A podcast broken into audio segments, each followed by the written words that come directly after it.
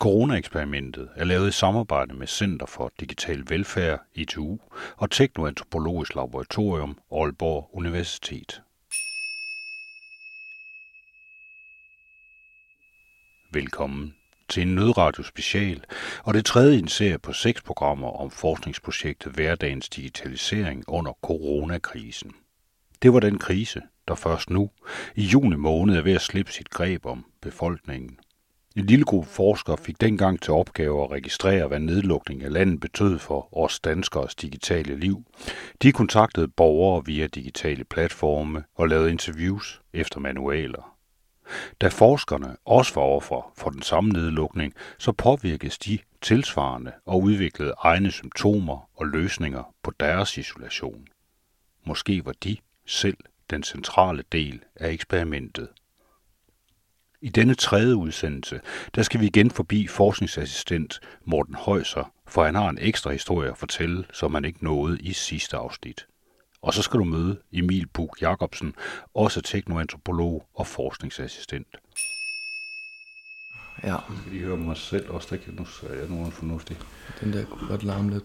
Og sådan der. Det gør ikke noget, den der, det var en god, skarp lyd, der kom der.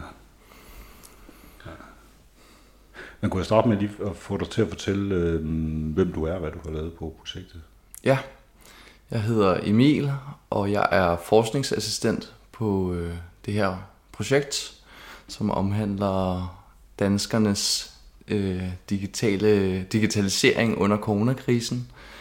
Øhm, og jeg har primært stået for det, som hedder mobil etnografi. Øhm, ja, mobiletnografi er, altså sådan, man kan jo gøre det på mange forskellige måder, men den måde, vi har valgt at gøre det på, det er, at vi har um, rekrutteret en masse øh, respondenter. Vi øh, endte med at have 85 respondenter. Øhm, og så valgte vi så en, øh, ja, en platform at, øh, at bruge, øh, hvor øh, respondenterne så skal downloade en, en app. Øh, og i den app har vi så formuleret en række opgaver, som respondenterne skal svare på over en periode på 14 dage. Øhm, vi gjorde sådan, at vi havde en overordnet opgave, som var en, øh, ja, vi kaldte det for en, en dagbog, hvor øh, respondenterne hver dag skulle tage stilling til, hvad, hvilke digitale teknologier og medier de havde brugt i løbet af dagen, og så uploade det i den her øh, dagbog øh, som billede. Øh, så det kunne både være et, et screenshot af noget, de havde gjort på deres øh, iPhone, eller øh, Android, eller tablet. Øh, men det kunne også være et, et billede, de havde taget af, ja, af sådan noget, de, noget, noget andet, de havde gjort. Øhm, Udover det, så lavede vi også nogle daglige opgaver, som jeg sådan lidt, eller sådan vi ser lidt sådan, som nogle tematiske opgaver. Øh, der var 12 af dem i alt. Øh, og så ligesom, man kan godt sammenligne det lidt som en, øh, en interviewguide. Så går du igennem nogle forskellige temaer, for ligesom at være sikker på, at du har fået afdækket øh, mange forskellige perspektiver på dit, på dit emne. Og, og lige så fungerede de her tematiske opgaver på samme måde, at vi øh, ja, i de her øh, 12 forskellige dage stillede dem en konkret opgave, som de skulle tage stilling til på den, på den dag. Øh, og det kunne være, øh, for eksempel havde vi en opgave, hvordan holder du kontakten med dine venner og familie her under coronakrisen? Øh, upload, så øh, tag et billede øh, af, af, af, hvad du gør, øh, og skriv lidt tekst om, øh, hvad billedet siger. Vi havde også en anden opgave, som omhandlede, øh, hvordan, din, øh, sådan, hvordan din krop har, hvordan den, sådan, den kropslige oplevelse har været i, under nedlukningen. Øh, både i, i forhold til, hvordan, altså, hvordan træner du nu, måske, øh, nu hvor fitnesscentrene er lukket, men også, har du nogle gener, fordi du øh, skal arbejde hjemmefra? Øh, sådan lidt, vi prøver at stille spørgsmålet lidt åbent, og der kommer også en masse ting ind der. Så ja, både den her overordnede dagbogsopgave og så de her tematiske opgaver, sådan havde vi øh, sådan designet vores mobiletnografi. hvad sker der for dig, da det her, altså den her lockdown den starter? Hvor er du henne? Jamen, hvor er jeg henne? Jeg, jeg er i den fuldstændig vanvittigt velsignede situation, at jeg er i et kollektiv øh, her på Vesterbro, hvor vi sidder nu. Jeg sidder sammen med Morten Højser i hans kollektiv på Vesterbrogade. Vi er otte mennesker i det kollektiv, som bare øh, følger med sammen. Øh, og vi sidder og ser, altså vi sidder og ser den, den, øh, den berygtede øh, Mette Frederiksen øh, pressemeddelelse der, øh, eller pressemødet, sammen og kigger ligesom på hinanden, og jeg kan huske, at øh, en af os skal ned og handle, og går midt under pressemødet faktisk, fordi at vi, vi mangler et eller andet til aftensmaden eller sådan noget. Og så kommer, det var faktisk min kæreste, Julie, som går ned, kommer op igen, og bare ser, siger sådan, Føtex er fuldstændig proppet med folk. Altså det er helt sindssygt. Folk står i køer helt op til, kø, til køleafdelingen med toiletpapir og mad og gær og... og det var under, det var under pressemeddelelsen. Det var ikke engang slut endnu. Så det var, der, der kiggede vi ligesom på hinanden og tænkte, okay. Øh, det var det pressemøde, hvor faktisk siger, at vi har ikke nogen fødevarekrise. Ja, ja. Der er ingen grund til at hamstre. Ja, ja, det hun ikke skulle have sagt. Det skulle hun nok ikke have sagt, Nej. fordi det er præcis det, folk, folk fjerner det der igen, yes. og så går de direkte til resten. Ikke? Fuldstændig. Øh, så vi fik ligesom den der sådan, okay, nå, der sker faktisk et eller andet nu. Øh,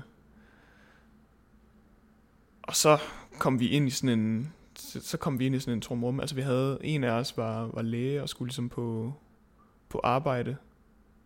Øh, og så var der, var der en psykolog, som også skulle på arbejde. Øh, men ellers så var vi, var vi hjemme. Øh, alle sammen hver dag. Og det var jo bare, altså, så privilegeret for os, at vi havde mange forskellige mennesker at tale med, og vi spiste aftensmad. Hver eneste aften sad vi stort set alle otte og spiste aftensmad sammen. Øh, og havde det virkelig som sådan en virkelig sammentømret familie. Øh, og ja, det var nok en meget anderledes situation, end mange andre havde. Øh, og så begyndte jeg jo at arbejde på det her projekt samtidig. Så jeg fik jo historier ind udefra om, hvordan folk gik rundt og havde det rundt i Danmark. Øhm, samtidig med, at jeg selv levede i den her sådan, nærmest lidt beskyttede boble. Øh, og så fik... Øh, så skete der hverken værre eller bedre, end at vores læge øh, beboer, hun, øh, hun kom i karantæne i 14 dage. Så hun kom ind på et af værelserne her i kollektivet, og øh, havde simpelthen bare øh, en forfærdelig tid, hvor hun ikke kunne komme ud af værelset, fordi at der var andre beboere jo. Øh, så hun havde ligesom, vi, vi fik ligesom sådan en, hun fik sin kæreste til at komme hen med mad og banke på døren og stille maden ude foran, og havde maske på, hvis hun skulle på toilettet, og havde sit eget toilet. Vi har to badeværelser, så hun fik ligesom dedikeret sit eget til sig selv. Øh, og gik rundt i, ja, jeg tror hun gik, på et tidspunkt gik hun 10.000 skridt inde på det der lille værelse med sin skridttæller. øh, så det var, det var, det var også lidt, der, der, fik vi ligesom, der fik vi det inden for døren på en eller anden måde. Og, det påvirker vel også, kan man sige, ja. stemningen imellem jer i virkeligheden også. Altså lidt bliver man sådan, så bliver man vel også sådan lidt, lidt mere nervøs for det ene og det andet. Ja, på det der tidspunkt var det, var det super uvist. Altså, det gode ved det var jo, at hun selv var, var læge, øh, og hun viser at hun, det viser jo, at hun var jo ikke smittet, øh, men øh, heldigvis, men hun, hun tog det jo selv så roligt, som man overhovedet kan, fordi hun, hun havde ligesom nogle flere facts, end, end vi havde. Øhm, men jo, altså det, det, det, det blev da helt sikkert mere real, det hele, da det skete, men men altså ellers så husker jeg bare faktisk meget den tid som sådan en altså en opbyggelse af nye vaner, hvor at vi hver især ligesom havde det sted, vi sad og arbejdede hver dag. Så var der en, der gik ud og bagte to franskbrød hver dag på det samme tidspunkt hver eneste dag. Så spiste vi frokost sammen på den samme måde hver eneste dag. Stort set. Øh, ja. så var der sådan, så var der sådan lidt, det der så var lidt underligt ved det, det er, at øh, hele kollektivet faktisk skulle, skulle, øh, skulle opløses. Øh, så folk skulle flytte ud, og nye folk skulle flytte ind. Øh, så vi havde sådan en helt vildt underlig proces med at, med at finde nye beboere under, under lockdown-perioden, hvor folk kom op og skulle til samtaler, og skulle sidde og tage deres snacks med sådan nogle, øh, sådan nogle, øh, sådan nogle vokpinde, øh, og ikke for ikke at røre ved noget, og alt det, alt det sådan, alt det praktiske, der skulle ordnes med, at folk skulle komme og bo her, og folk skulle flytte ud, og flytninger, og hvordan laver man overhovedet en flytning under corona. Det er noget, vi så har prøvet fem gange eller sådan noget. Så det, men, øh, det lavede I simpelthen, altså flytninger under corona? Ja, ja. ja. Der, øh, det bliver man jo nødt til. Altså folk skal jo ud øh, og ind. Øh, jeg vil sige, det var ikke fordi det egentlig var så så meget anderledes, andet end at øh, man havde håndsprit nede på gaden og herop, og så blev der ligesom bare spritet af hver eneste gang, man kom ind og ud. Bare lige for, jeg tænker bare, kan du prøve at beskrive det her sted? Hvad er det for et sted, vi er? Jamen, øh, vi er jo i vores, øh, vores kollektiv på, på Vesterbro, øh, Kolde med Koldeface, øh, som, øh, som jo, ja, det er jo i virkeligheden en herskabslejlighed. Øh, og den er, jeg tror, den er meget typisk for herskabslejligheder i København, med at den har sådan to store stuer, og så har den en meget lang gang, hvor der ligesom ligger værelser ned langs med. Øh, og så et køkken i den ene ende. Øh, og det er jo også en anden ting, der har været fuldstændig, altså fuldstændig skældsættende for vores oplevelse af den her, den her periode. Det har jo været det her med, at vi har simpelthen kunne gå så meget rundt, og kunne skifte lokaler, og altså kunne, kunne sidde og tale sammen i det ene eller det andet eller det tredje rum i forskellige konstellationer af mennesker. Øh, I forhold til at være, være inde i en, i en treværelses eller en toværelses lejlighed med, altså med sig selv eller, eller med en anden, så har det været en helt vanvittig luksus at have den her sådan, veksling mellem mennesker og, og plads og steder, man kunne opholde sig. Så ja, det har virkelig været en beskyttet, fuldstændig beskyttet boble. Øh. Øhm, og man kan jo, altså mobiletnografi er jo en, en form for et observationsstudie, hvor du får et indblik i dine respondenters øh, adfærd. Øhm, og så har du også mulighed for som øh, researcher at stille dem nogle spørgsmål til, hvad de uploader øh, hvis du synes, der er et der er interessant, eller sådan, det de har uploadet er, ser vildt interessant ud, men det, der mangler lidt kontekst, for at du kan forstå, den, forstå det i, i en større sammenhæng. Så kan du stille dem øh, et spørgsmål, og så ja, vil de så svare på det. Øhm, men der er selvfølgelig også, altså det er klart, at det er jo ikke det samme som at være derude øh, fysisk. Nu var vi jo nu havde vi så ikke mulighed for det på grund af øh, corona. Øh, så det var et godt alternativ. Men der, der er selvfølgelig nogle, altså nogle bias ved, at vi, vi interagerer med dem gennem en, en, en app. Fordi det ligesom er respondenterne, der bestemmer udelukkende, hvad vi forskere eller forskningsassistenter får at se i deres hverdag. Det, det er gennem deres briller, vi vi ser deres dagligdag. Øhm, så der er, altså, der er helt klart noget omkring i, scene, i scenesættelse, at øh, der er måske en tendens til, at man, man dokumenterer det, som fortæller en god historie om en selv, at man, ja, man har omlagt træningen til hjemmetræning, og ja, er ret god til at lige at få lavet det her yoga om morgenen, eller at øh, ja, jeg begyndte at øh, øh, sådan, bruge mere tid på madlavning øh, og sådan dyrke nogle interesser, som, som man sådan ser som, som, som sunde og gode. Øh, desuden så har vi så, øh, vi har så snakket og også fået feedback fra, fra mange af deltagerne, og de har også sagt, at fordi de netop fik de her opgaver, så, så blev de også mere sådan bevidste om, at de skulle, at de skulle dokumentere noget. Øh, og der var flere, der fortalte dem sådan, at, at normalt så, så dyrker de yoga, men de havde ikke lige fået dokumenteret det.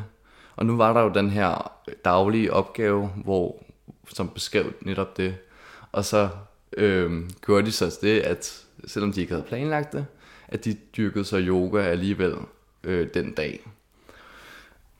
Så de, de gjorde simpelthen ting for appens skyld? Ja, på en måde. Øh, på en måde, fordi at de tænkte, at det var noget, de øh, gjorde. Altså, det, men, men hvornår de gjorde det, det, det, altså, det var ikke nødvendigvis lige den dag, men, men ja, de gjorde det lidt for projektets skyld, at vi skulle se, at, at det gjorde de.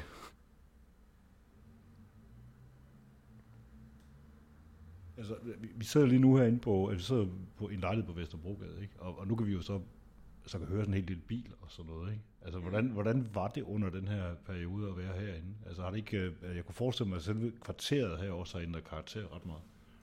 Ja, øh, nu er det helt sikkert ved at være, nu er det helt sikkert tilbage på normalen. Du skal bare gå en tur ned ad Værendamsvej, øh, så kan du se, at folk de sidder ude foran øh, caféerne, som de, som de altid plejer at gøre. Men, øh, men under øh, lockdown-perioden, der var det der var det sådan rimelig vildt, faktisk. Altså, for, altså når man kigger ned på, på Vesterbrogade heroppe fra, så er der jo altid, altid virkelig meget trafik. Både på fortoget og på, og på gaderne, og det var jo tomt. Det, altså det var jo helt tomt. Og hvis man gik ned ad Vesterbrogade og gik ned øh, forbi Tivoli, og, altså den der tur herfra og ned til Rådhuspladsen, den var jo helt vild. Fordi det var egentlig også meget flot, fordi at man fik virkelig set byen. Det er som om, man, man kunne se øh, bygningerne meget klare, når, når der ikke var det her sådan, slør af mennesker, der, der myldrede rundt foran. Øh, så altså på mange måder var det egentlig meget smukt, men det var også sådan ret, altså, ja, hvad er det danske ord for det? Eerie. Det var virkelig ildevarslende, eller sådan dystopisk, dystopisk nærmest, ja. Øh, og det var også virkelig, virkelig blæsende på det tidspunkt. Nogle af de der dage der, hvor at der blæste bare sådan aviser og, og sådan skrald rundt på gaden, som var det sådan en forladt westernby.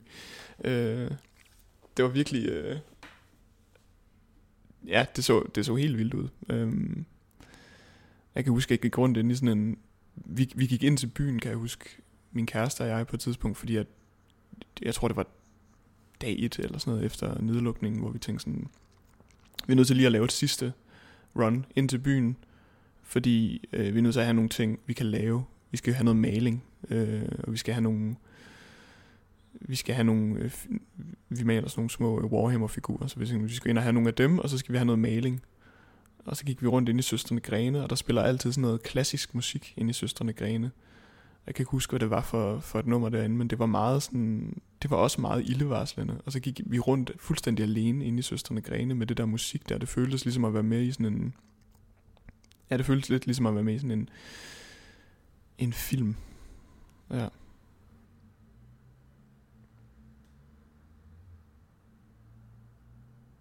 Der var, en, øh, der var faktisk en, en, en 80-årig kvinde, øhm, som synes, det var meget svært at bruge den. Øh, men ja, vi fik, jeg fik, ja, vi fik skrevet lidt sammen på mail og sådan, øh, og og det var, vi var så glade for, at hun var med, fordi vi, vi havde ikke ellers nogen op i den, øh, den aldersgruppe. Øh, men hun var meget sådan, måske lidt meget kritisk over for sig selv, eller sådan omkring, om hun var god nok.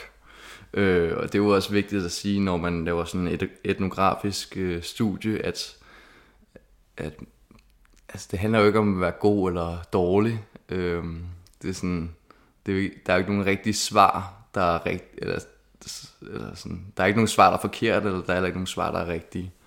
Det er sådan, vi vil gerne forstå deres hverdag, øh, deres følelser, tanker, adfærd. Øh, så, og, og, ja, og på den måde var hun jo god, fordi hun ja, uploadede noget omkring hendes dagligdag. Så det var fedt at hende med. Hvis man tager jeres rolle i det her, I sidder så, om så må sige, i den anden ende af folks telefoner, hvor de sidder og taster et eller andet ind. Hvordan arbejder, hvordan arbejder du med de, de ting, folk de tastede ind her undervejs? Øhm, jamen, så lavede vi sådan en, øh, et team, et øh, mobiletnografi, et mobiletnografi team øh, blandt os forskningsassistenter. Så vi havde, øh, vi var fire forskningsassistenter, som øh, modererede, kalder vi det, øh, ligesom sådan holder kontakten med, med respondenterne. Og så havde man ansvar for en dag ad gangen, hvor man så skulle gennemgå alt materiale for, den, for, for dagen før. Øhm, og der skulle man så ja, øh, blandt andet stille opfølgende spørgsmål, hvis der var noget, der vagt ens, ens interesse. Man skulle, ja, hvis man havde lyst også, øh, og, og det er også nogle gange hjem for, for en selv, øh, skrive nogle analytiske tanker ned undervejs, og sådan, for at få lidt hoved og hale i, hvad der bliver, hvad der bliver øh, øh, postet.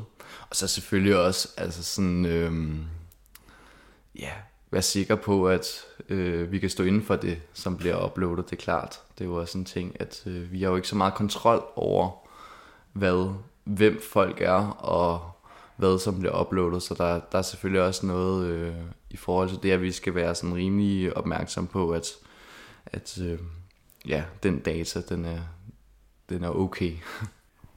Hvis man tager selve det materiale, I så har samlet ind, altså du, som du siger, du lavede nogle noter, også når du sad og skrev nogle lidt ting ned, og fik nogle tanker om det. Hvis man nu for eksempel prøver at tage, du, du nævnte hende, den 80-årige dame der. Hvordan, hvad fortalte hun jer? Ja, hun, øh, hendes hverdag var meget forandret under corona, øh, fordi hun var i risikogruppe. Hun øh, er lungesyg, og øh, ja, tør simpelthen derfor ikke gå ud af, af lejligheden.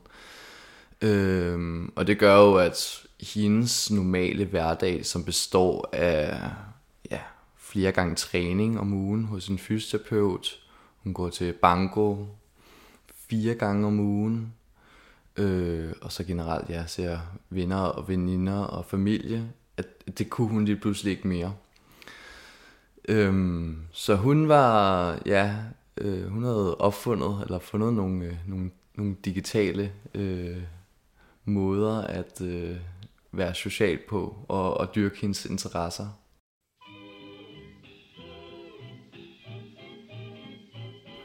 Øhm, så hun, øh, hun spillede blandt andet noget musikbanko, øh, som et eller andet værtshus i Aarhus øh, arrangerer, eller arrangerede. Øh, og her, der, ja, det var vist også noget, hendes, hendes datter øh, havde, havde fortalt hende om, at det kunne man gøre. Øh, og så var hun så smart, at hun havde installeret den her app, der hedder, um, den her app, der kan genkende øh, musiknummerne. Øh, præcis. Øh, og så lavede hun appen op til hendes øh, anlæg, og så kunne hun øh, få svaret derigennem. Hun var, hun, var, hun var et stort konkurrencemenneske, som, øh, som spillede for at vinde. Øh, og, og derfor synes hun også, at øh, det her virtuelle banko, det var heller ikke hende, fordi der var så mange med. Øh, så vinderchancerne var alt for små. Øh, men udover det, så øh, noget andet interessant er jo, at øh, altså sådan, når man er lungesyg, så er det øh, så skal man snakke meget, men det er også godt at synge. Øh, så hun gik i sådan et lungekor, øh, faciliteret af, af Lungeforeningen. Øh, og det kunne de jo heller ikke mødes til, så nu kunne de lige pludselig mødes på Zoom, hvor øh, der var så en korleder og så øh, nogle deltagere. Øh, men første gang hun skulle prøve det her lungekor, der kunne hun ikke øh, finde ud af at unmute sig selv, fordi det var hendes første gang på Zoom, og ja, hun havde fået et link, og det kunne hun godt, lige, øh, kunne hun godt trykke på, men så kom hun ind på det der Zoom, og sådan, hvordan gør man så, ikke? Men så var hun så, så heldig, at, øh, ja, at hendes, hendes datter så efterfølgende fortalte, hvordan man kunne unmute sig selv, så, så næste gang de mødtes i lungekoret, kunne hun så godt øh, være mere med. Eller sådan, ja, det er jo svært at være med, når man er unmuted. Vi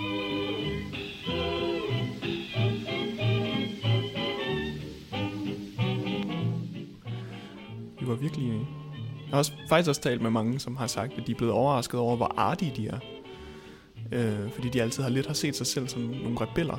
Øh, og nu har de ligesom fundet ud af, at de, er, de har egentlig virkelig, de har sådan indordnet sig rigtig meget og været super artige, og hvis jeg har set nogen, der har stået lidt for tæt, så har de tænkt, tænkt deres, ikke? Sådan, og er blevet helt overrasket over, at de har gået rundt og været sådan... Har du selv haft det sådan? Mm, ja, det, ja, det har jeg faktisk, tror jeg. Altså, jeg tror, jeg har været... Øh, det har også været lidt sjovt, fordi vi har jo været et kollektiv, så vi, har, vi, er, jo en, vi er jo en husstand. Øh, så vi har haft lidt sådan den modsatte frygt. Altså fordi, jeg, jeg tror også, jeg, jeg har gået rundt og været sådan lidt, nå, der, der er godt nok nogen, der sidder tæt sammen derovre, eller det, det ser da ikke ud som om, at de er i familie sammen, dem der. Men vi har jo selv været, øh, vi holdt en påskefrokost selv heroppe, hvor vi var ude at spille øh, kongespil i, øh, i Søndermarken, hvor at vi også, vi vidste ikke rigtigt, om vi skulle gøre det, fordi at vi, altså, vi, vi måtte jo godt. Øh, altså vi var for det første under 10, øh, og for det andet er vi en husstand. Øh, men vi vidste ikke helt, om det var smart at gøre det alligevel, fordi at sendte vi så de forkerte signaler, eller ville der komme nogen hen og konfrontere os med det? Øh, det var meget sådan, det, det hele den der, sådan, hele det der corona, corona-politi stemning, der har været, øh, som jo har været fint, men det har, det har jo været sådan, altså diskursen omkring det har jo været ret sjov, fordi folk har altid sagt, hvis folk har sagt for eksempel, øh, når jeg var ude og gå en, øh, en tur med en veninde, så, det, altså, så bliver den sætning altid efterfulgt af, med, med behørig afstand selvfølgelig. Folk skal lige vaccinere sig selv mod, øh, mod coronapolitiet, ikke? eller skulle i hvert fald. Øhm. Ja, det var en ganske stor gruppe af mennesker, der var coronapoliti. Ja. Og det har I ikke, det har I ikke haft antydning af her i kollektivet? Altså sådan noget, hvor man siger, du passer ikke ordentligt på, eller sådan noget? Nej, ikke rigtigt. Altså vi, vi, vi havde jo sådan lidt, vi, vi, vi var jo ligesom nødt til at etablere sådan en, okay, hvem kan så komme og gå, og hvad, hvordan skal vi selv gøre? Fordi vi, vi jo, altså, det, jo, det ville jo være torskedumt at gå ud øh, og blive smittet et eller andet sted, øh, ved at risikere et eller andet dumt, og så komme herhjem og så smitte syv andre mennesker, som så går ud og smitter videre. Det er jo, altså når man er så mange mennesker i en husstand, så er man jo også nødt til at være sådan lidt ekstra påpasselig med, hvem man selv ses med, øh, men selvfølgelig også, hvem der kommer herop, ikke? Så vi var nødt til bare at sige, jamen det er kun, altså de eneste, der må komme, er kærester. Øh, de kærester, som ikke allerede bor her i forvejen. Øh, fordi dem er folk, vi, vi, vi vil ikke forbyde folk at være sammen med deres kærester. Øh, og hvis deres kæreste er smittet, så ja, så tager de jo alligevel smitte med tilbage. Øhm, så det var sådan set det, vi gjorde. Altså, vi, vi lukkede bare vi lukkede ned fra alt, bortset fra kærester. Og så sådan nogle nødvendige ting, som for eksempel at holde en samtale om...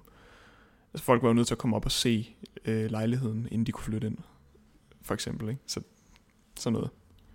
Men det var også rimelig vildt, fordi I kommer, som du siger, I kommer jo også, altså I er jo også kommet tættere på hinanden i, i her, i virkeligheden, hvis man kan komme tættere på hinanden end i kollektiv, men altså i og med, som du siger, I havde, I havde rigtig meget tid sammen, I havde, fik pludselig rutiner og øh, op bag brød og altså nogle ting, og så samtidig med, at I har det, så skal I også, så ved I også alle sammen, at I skal skilles lige om lidt. Ja, det var meget melankolsk.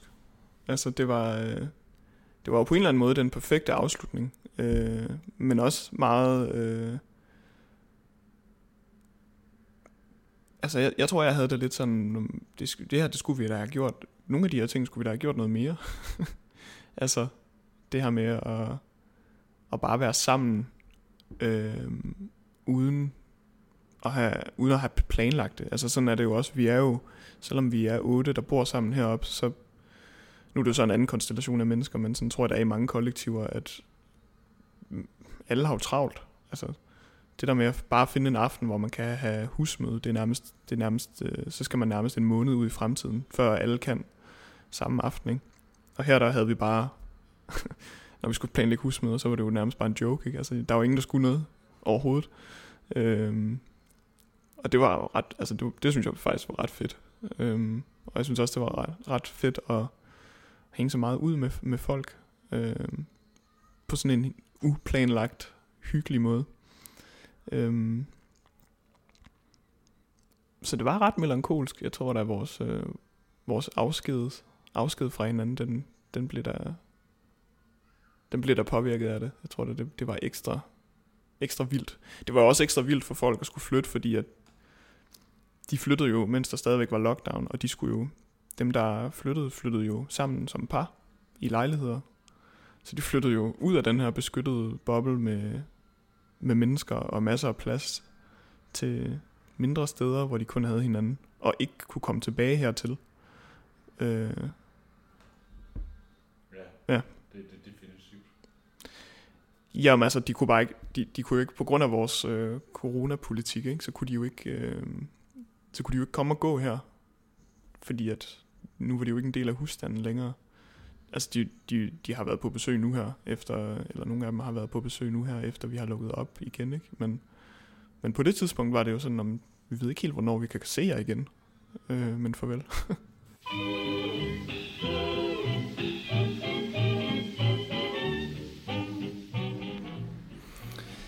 Jamen, fordi at øh, arbejdet er flyttet hjem, så er der jo ikke noget, der hedder øh, sænke hævebord mere. Der er ikke nogen, der, ikke for alle i hvert fald, heller ikke for mig selv. Øh, jeg har heller ikke nogen kontorstol, der sidder på sådan en øh, ikke særlig komfortabel øh, spisebordstol uden øh, armlæn, øh, hvor man meget nemt kan falde, falde lidt ned i den. Øh, så det er klart, at øh, ja, at det går ligesom ud over kroppen, at, at arbejdet er flyttet hjem. Men der er mange, der fortæller om, at de har fået øh, smerter i nakke og ryg, lænd, øh, på grund af dårlige økonomiske stillinger. Øh, men der er også mange, der fortalte om, at de fik øh, hovedpine på grund af den, den, altså, at de sad foran skærmen øh, hele dagen. Øh, og det gik også ud over ja, deres, deres hoved.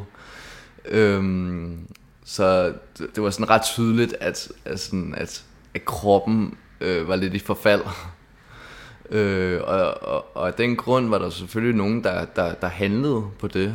Øh, der, var, der var mange, som, øh, som adopterede nogle, nogle, nogle sunde vaner, øh, synes de i hvert fald selv. Altså, der var mange, der sådan prøvede at lidt som at ja, så, så, så satte de nogle øh, bøger under computeren, så den kom lidt længere op i, i øjenhøjde. Der var øh, også en, der satte bøger under fødderne, fordi hun ikke kunne nå. Øhm, og, og lagde et håndklæde i lænden øh, for at ja, få en bedre, for en, for en bedre holdning. Øhm, der var selvfølgelig også mange, som sådan mere struktureret, altså sådan mere sådan, ja, som virkelig sådan øh, indrettet et, et, et, et arbejdsrum.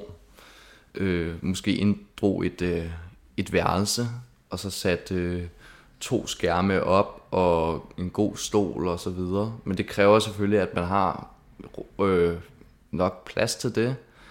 Øh, for dem, som ikke havde nok plads, de blev nødt til at lave sådan nogle husregler.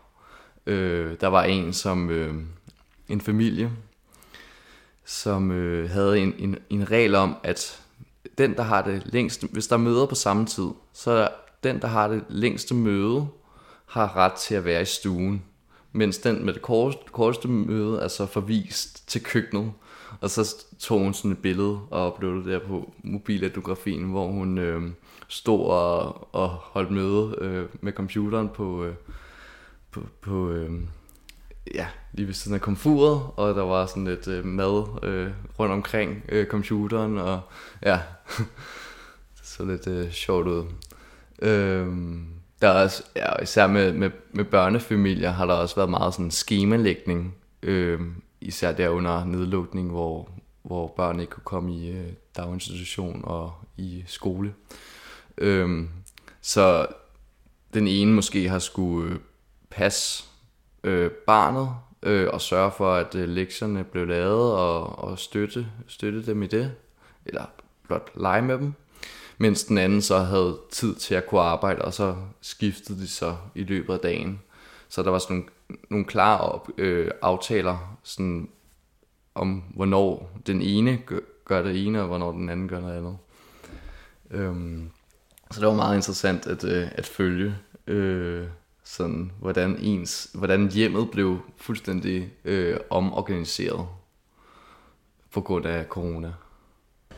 Altså, du har også været nødt til at lære alle de mennesker, du skal arbejde sammen med og kende. Altså, hvis det kan godt du kender nogle af dem i forvejen, så er det jo kun via skærm i virkeligheden. Ja, ja vi, vi, ja, vi mødtes jo på Teams øh, og har holdt kontakten på Teams øh, siden øh, ja, 6. april blev jeg ansat, og nu er det den 18. juni i dag.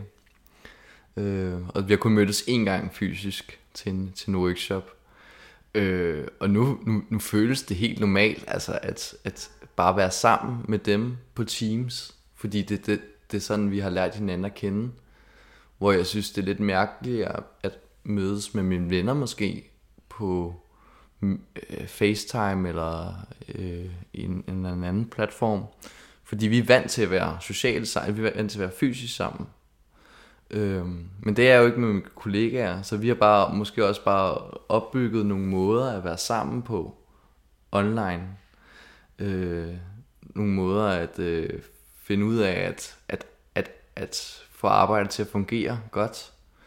Øh, og jeg tænker ikke kun på at få det til at fungere effektivt, fordi det, det er ligesom sådan det er, når man arbejder online, så er det super effektivt. Der er fokus på indholdet. Der er ikke så meget fokus på det sociale.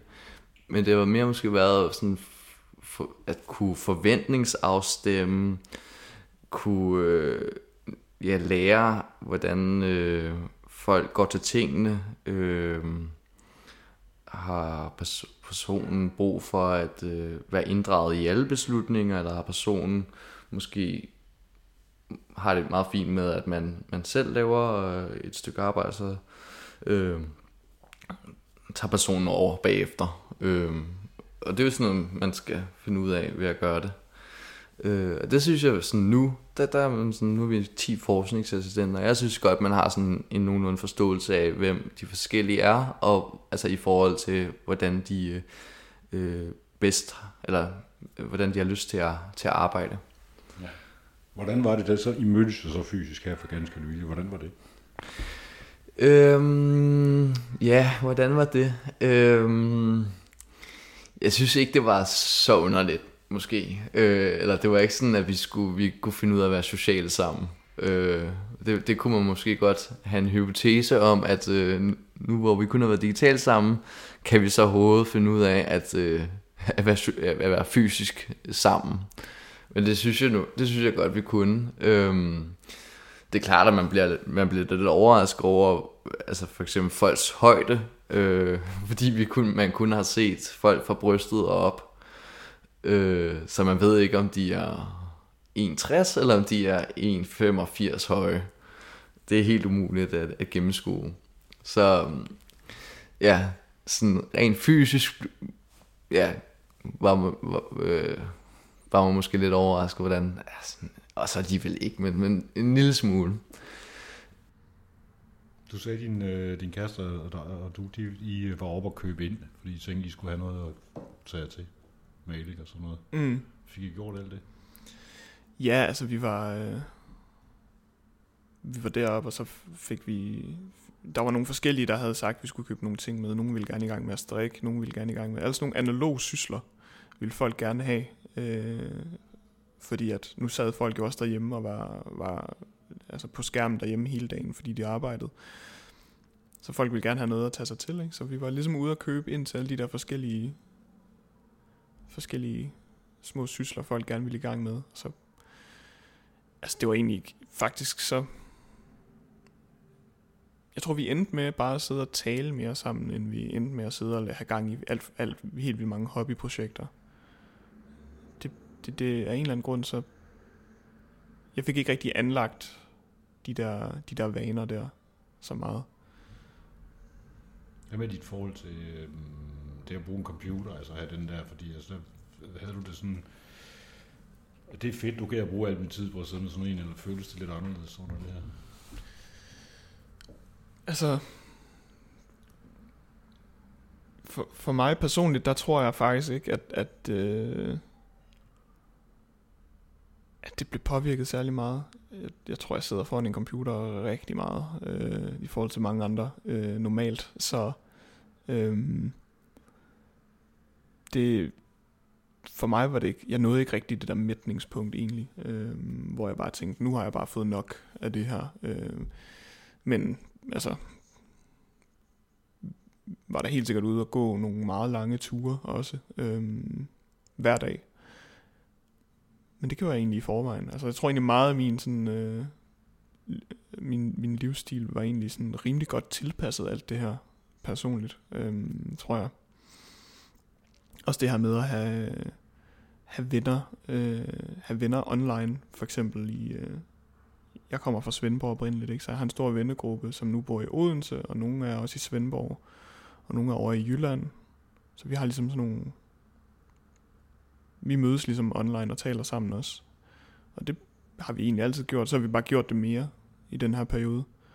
Øh, og det var jo også helt naturligt for mig. Det var bare at skrue op for det forbrug. Det var jo ikke noget, der skulle etableres. Det, det fandtes allerede. Øhm, så jeg, jeg tror egentlig min sådan, den der sådan meget øh, computerbaserede, meget online øh, tilvendede livsstil der, den, den havde ikke, altså den, der oplevede jeg sgu ikke så mange ting, der, der ligesom forvoldt mig problemer, eller sådan, der var ikke så meget tilvænding for, for, min, for mit synspunkt. Det var mere, det, det var mere den der sådan generelle, øh, sådan, hvad skal man kalde den, coronaens tilstedeværelse som fænomen i verden, der bare øh, lå som sådan et filter, man nærmest skulle igen, igennem, før man kunne tænke over ting. Altså, man, man skulle ligesom, hvis man skulle tænke øh, over et eller andet, man skulle med arbejdet, eller hvis man skulle tænke over et eller andet, en ferie, man skulle på, eller en eller anden praktisk, man skulle have ordnet, øh, så skulle man altid lige igennem det der coronafilter først. Sådan, hvordan kan det her praktisk egentlig lade sig gøre, nu hvor vi har alle de her nye udfordringer.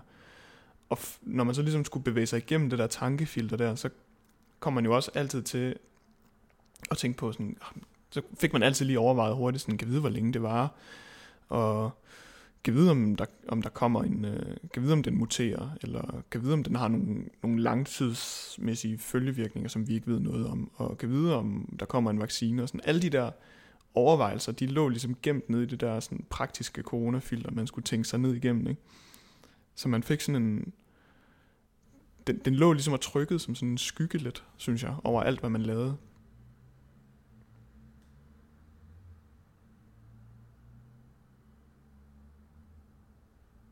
Jeg vil sige, altså det har også været ret tydeligt, at, at sådan omlægning, den digitale omlægning på arbejdet er virkelig sket hurtigt. Altså det er virkelig hurtigt, at øh, folk har fået installeret Teams og har fundet ud af at bruge det. Øhm, og der var også andre eksempler på, altså webinarer er jo blevet en kæmpe stor ting, så folk har virkelig sådan øh, omorganiseret deres arbejde øh, meget hurtigt øh, og fundet på øh, gode alternativer. Altså, der er mange, der siger, at webinarer fungerer jo næsten bedre end øh, konferencer, fordi man ikke behøver at rejse, og ja, det er jo så nemt lige at logge på, øh, og man kan altid hoppe ud igen, hvis det ikke lige var en. Øhm, men det er også lidt et, altså jeg tænker, der er også lidt et, øh, altså fordi teknologien har jo været der i lang tid. Øh, altså Teams har jo eksisteret, Zoom har eksisteret. Øh, det har også været muligt at lave webinarer. Men, øh, men det er først nu, at behovet er kommet blandt folk, blandt arbejdspladser, fordi man ikke kan mødes. Så jeg synes, jeg synes også, det er et meget fint eksempel på en, øh, en, digi- altså, at en digitalisering sker ikke kun ved teknologisk innovation. Altså, man kan ikke bare udvikle sig te- øh, teknologisk og så øh, sker der en, en digitalisering. En digitalisering, øh, det sker ud fra nogle menneskelige eller samfundsmæssige behov, øh, som man selvfølgelig skal have øje for, når man udvikler øh, teknologiske øh, medier og teknologier.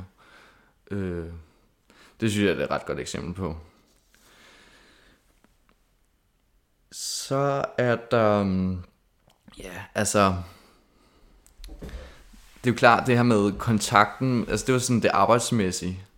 Så er der alt det mere sådan øh, sociale med venner og familie, som har, er jo også vendt på hovedet. Øh, fordi øh, nu snakker jeg jo tilbage i tiden, fordi øh, det, er jo, det var anderledes i dag. Øh, men da, der, da nedlukningen var der for alvor, øh, der kunne man ikke mødes, eller man kunne i hvert fald ikke mødes mange, og der var også mange, der slet ikke mødtes. Øh, så der blev øh, kontakten, ja, selvfølgelig holdt i live igennem nogle digitale services. Øh, og det er sådan virkelig sådan, der er virkelig mange forskellige eksempler på, hvordan folk har, har holdt den her kontakt. Altså, det er selvfølgelig videochat, der er blevet brugt, altså FaceTime, øh, Messenger og så videre. Øh, man har skrevet på, på sociale medier, men man, man har også brugt sådan, øh, sådan andre, lidt sådan mere skæve øh, medier, som for eksempel, altså Wordfeud har fået en, en renaissance, fordi det, dens øh, chat fungerer åbenbart super godt med, at man lige kan, altså så spiller man, men man bruger chatten til at snakke om personlige ting. Eller sådan, der er flere eksempler på, på, nogle, på mor og datter måske, øh, der, der holder kontakten i live igennem Wordfeud.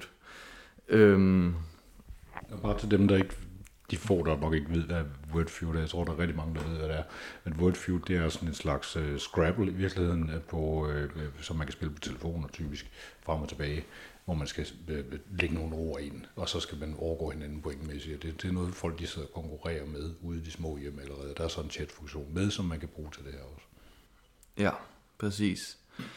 Øhm, og så noget andet er jo, at den fysiske distance lige pludselig ikke har været en barriere længere. Øhm, der var nogle veninder, øh, eller der var en, som havde nogle veninder i, i Tromsø i Norge. Øh, og de, de, de snakker måske sammen normalt øh, en gang om året. Men fordi det lige pludselig er blevet mere legitimt at, at mødes socialt online, så, så tænkte de også, hvorfor skal vi ikke lige drikke et glas øh, rødvin øh, på suge? Og, og hende der, det var, det var så fra et interview, og hun, hun beskrev det sådan, at hvorfor, hvorfor delen har vi ikke tænkt på det før? Hvorfor har vi ikke tænkt på, at vi bare kan være sociale på, på Zoom, i stedet for at der skal gå flere år mellem vi mødes? Øhm, så det var hun sådan, det var sådan kom virkelig bag på hende, og det er også noget, hun vil tage med sig altså videre efter øh, corona, eller efter at man godt kan rejse til Norge, og det kan man jo i dag, men det er noget, man vil tage med sig videre. Øh, med, med bare lige at mødes på Zoom, fordi det, det er så nemt, og man, og man kan også godt øh, ja, øh, hygge sig. Øh, det kunne hun i hvert fald. Øh, men pointen er måske lidt sådan, at, at der er mange, som har øh, måske haft mere kontakt med venner og bekendte, familie, øh, som bor længere væk, fordi det har jo været, ja, det har været lige så let at, at snakke med dem, som at snakke med familien, som bor måske øh, 500 meter ned ad vejen. Jamen altså, verden er så verden ser simpelthen så mærkelig ud den dag i dag, i forhold til hvis man bare skruede tiden 10 år tilbage. Så det her, det er jo, altså det er jo bare, det er sikkert bare en af mange helt crazy situationer, vi ender med at være i. Altså, gået rundt og tænker sådan, hvad for nogle kriser kan der ellers komme? nu har vi haft en pandemi. Det er der mange, der har sagt, der vil komme. Altså det har faktisk egentlig ikke, for mange personer har du egentlig ikke været uventet, at der vil komme en pandemi. Det var bare et spørgsmål om tid, før der skete et eller andet der. Men hvad kan der ellers ske? Altså hvad for nogle nødstilstandssituationer kan vi ellers komme ud i? Og hvornår skal de? Sådan, det der med at vende sig til at være i en nødstilstand. Altså, nu er det jo også helt ekstremt at, at sidde og tænke over det her med at, at være i krig for eksempel, når man bor i Danmark, og bare overhovedet ikke har nogen anelse om, hvordan det er, eller, eller opleves. Men det var også lidt der, mine tanker kom hen af, sådan, når man, hvad, hvad sker der så, hvis der kommer krig? Hvordan vil det så være? Hvordan, altså, det, altså, så kan vi nok gange den her følelse af, af dommedag op med 10.000, ikke? Altså, fik virkelig en anden sådan, øh, jeg tror, jeg fik en anden, øh, jeg fik en anden respekt og en anden for værdsættelse af normaliteten. Eller sådan, jeg kunne ligesom værdsætte at, at forstå også, at normaliteten den bare er flygtig, åbenbart. Altså, den kan blive revet væk under en hvert øjeblik, det skal være. Ikke? Og nu var det jo så en pandemi, som kunne, som kunne tøjles. Og det var jo fedt, at, at det ikke var værre, vel? Men den der følelse af, at det hele kan blive revet væk under, altså under fødderne på en, og måske ikke komme tilbage igen, den, den fik man også, ikke? Altså, jeg tror, det var sådan, så langt mine dommedagstanker kom, ikke? Jeg tror ikke, jeg nåede at tænke, at vi alle sammen skulle nu, men i hvert fald det der med sådan, okay, ting kan ændre sig. Det er jo, ja, det er også, jeg har gået og tænkt lidt over, hvad jeg sådan, men jeg synes godt nok, hele den her periode her har været sådan en, tidsmæssigt har det også været helt vildt mærkeligt. Altså, det er ligesom blevet defineret ud fra Mette Frederiksens taler, alle de her sådan nedslag, der har været, og sving og venstresving og højre sving, der har været i, i perioden, ikke? Men, men tidsmæssigt, der har det virkelig også været sådan, lige starten, der gik tiden sindssygt langsomt. Fordi at der skete så mange ændringer konstant, ikke? Øh, og der var hele tiden helt, hver eneste dag var der noget nyt, man skulle forholde sig til. Og, og ens virkelighed ændrede sig på en eller anden måde hver eneste dag. Ikke? Og det fik bare tiden til at, sådan, når det var jo for tre dage siden, at det der skete, og i går skete det der, og i dag er der sket det her. Så man kunne ligesom bare mappe sin, sin tidsrejse ud nærmest. Og så begyndte det ellers bare at flyde sammen på et tidspunkt, da man sådan ligesom vendte sig til, okay, nu er det det her, og nu er det de næste måneder. Så bliver det bare svært at holde fast i de der sådan, historier, der opstår i hverdagen under, under, under lockdown på en eller anden måde. Ikke? Altså, de forsvinder i alt det der mærkelige mudder af, af at være hjemme. Jeg ved ikke, hvordan du har haft det, men bare sådan... Jo, det kan jeg godt. Ja. Det er også enormt svært, og det er også meget vanskeligt ligesom at komme tilbage til det nu. Altså prøve at forestille sig, hvordan det egentlig var. Ja. Ikke? Fordi det, det, det føles meget... Øh, det føles som sådan en parallel virkelighed, eller sådan et eller andet, der, der eksisterede sådan et eller andet sted, og lige så snart det jeg føler ikke helt, det er overstået nu. Det har ikke helt, jeg kan helt slippe det. Jeg tror, ikke, det, jeg tror ikke, det er helt færdigt nu. Nej. Og jeg har stadigvæk enormt svært ved at få, altså, øh, sådan noget med at bare sige, at man, nu går jeg bare ud og fører mig, som jeg plejer. Jeg synes stadigvæk, folk går for til supermarkeder og sådan noget. Ikke? Altså, du ved, det, det, har, det sidder i en, ja. det der. Jamen, der, der, men der vil også 100% være nogle folk, der, har, der vil have en, altså en modreaktion nu, ikke? og ligesom tænke, der vil være folk, der har rigtig let ved at slippe det, som bare skal ud at afreagere nu, ikke? Eller sådan virkelig ud og, og mærke, at de lever og får en masse glæde ud af at gå tæt med folk i supermarkedet. Jeg tror virkelig, der er nogle måder at anse det her på, der kommer til at clashe rigtig meget de kommende dage. Jeg havde lidt, lidt klaustrofobisk at, at være herinde i København under, under lockdown, fordi jeg følte lidt, at øh, lige meget hvor jeg gik hen, så var man ikke rigtig velkommen. Eller man skulle helst ikke være der for lang tid i hvert fald. Og det var uanset om man købte ind, eller om man gik en tur i en park. Altså, man skulle virkelig, øh, ja, helst bare være hjemme. Øhm, så ret hurtigt der, så besluttede øh, jeg, min kæreste og jeg, at, øh, at tage sommerhus øh, op i Nordjylland. Øhm, og der glemte man virkelig alt om, om, om corona, fordi øh, der, der kunne man godt bare lige gå ud af døren, og så så var der jo bare natur, øh, og der, den kunne man sagtens være i, fordi der var ikke rigtig så mange andre mennesker. Men, men herinde i København var det virkelig sådan, ja, ikke en særlig fed øh, følelse, fordi der er jo virkelig mange altså, muligheder i København. Det er jo også derfor, jeg bor her, fordi man bor tæt på sine venner, man bor tæt på øh, spillesteder, man bor tæt på øh, caféer, barer, øh, alt muligt. Øh, fritidsskøjl. Øh, men, men alt det var jo bare ikke en mulighed i den tid. Og så var, hvad, hvad, hvad var så København? København var jo slet ikke designet til, det er jo slet ikke designet til at være et sted, hvor man ikke skal være social. Øh, så på den måde var det bare sådan lidt, ja, ikke særlig fedt at, øh, at gå rundt i byen. Øh, fordi der var ikke sådan der var ikke de store muligheder for at være øh, hver for sig i en, i en stor by. Du siger det der, du kan mærke det der med, at man ikke er velkommen øh, nogen steder. Hvordan kunne du mærke det? Mm, altså, kunne mærke det. Altså i supermarkederne var det selvfølgelig øh, nemt at se, fordi alle gik i en stor bue ud, øh, udenom alle. Øh, så det var tydeligt, at, at man skulle holde afstand. Øhm, så blev man jo også bare påmindet om, hver gang man gik ind i sted, at der må maks være så så mange. Husk at øh, spritte dine hænder, øh, nys i ærmet, hvis du skal nyse. Øh, eventuelt tage nogle plastikhandsker på. Øh, så man blev virkelig mindet om det hele tiden, at man skulle holde afstand, og at menneskelig kontakt øh, ja, skulle, man, skulle, skulle, er far, simpelthen farligt, ja.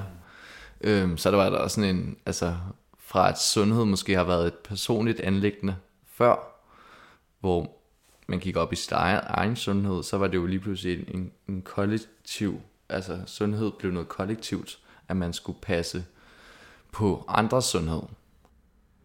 Savner du det lidt sådan en gang imellem også? Selve, selve lockdown-perioden. Mm, altså, jeg synes, der var en ro over det på et tidspunkt. Der var sådan en... På et tidspunkt, der fandt jeg virkelig en ro i det, og en... Det var nærmest... Det blev nærmest helt meditativt for mig, tror jeg. Øh, at, at hverdagene bare havde så lidt forskelligt indhold. At når jeg ligesom var færdig med at arbejde, så, så kunne jeg bare gå en tur og gå og kigge på ting, og gå og tænke over, over mit liv. og bare have sådan sindssygt meget ro til at falde ned i sådan en helt nærmest en mindful state, ikke? Og altså, den sådan, den der ro der, og også det der med, at der heller ikke var nogen andre, der lavede noget, det tror jeg egentlig også på en eller anden måde gav en ro. Altså, det, det var, det var, der var ikke den der, sådan, man, man følte ikke, at man skulle, jeg tror nogle gange en, en fjende for at finde ro i sig selv, det kan være det der med, at man føler, at hvis man stopper for at gøre det, så kører toget bare videre, uden en, ikke? Og den der efterladt på perronen, Ja. der, fordi, Ja. fordi jeg sad og lavede noget andet. Ja, ja. Men kan jeg tage et år til at reflektere over mit liv og, og finde ud af, hvem jeg, hvem jeg er og hvad jeg vil? Kan jeg tage et helt år til det? Nej, det kan jeg ikke. Så, så kommer jeg for langt bagud i forhold til hele verden, der rykker videre. Ikke? Men her var det som om hele verden stod stille, så det var bare uendeligt okay at, at lave de der refleksioner og tænke over sit liv. Ikke?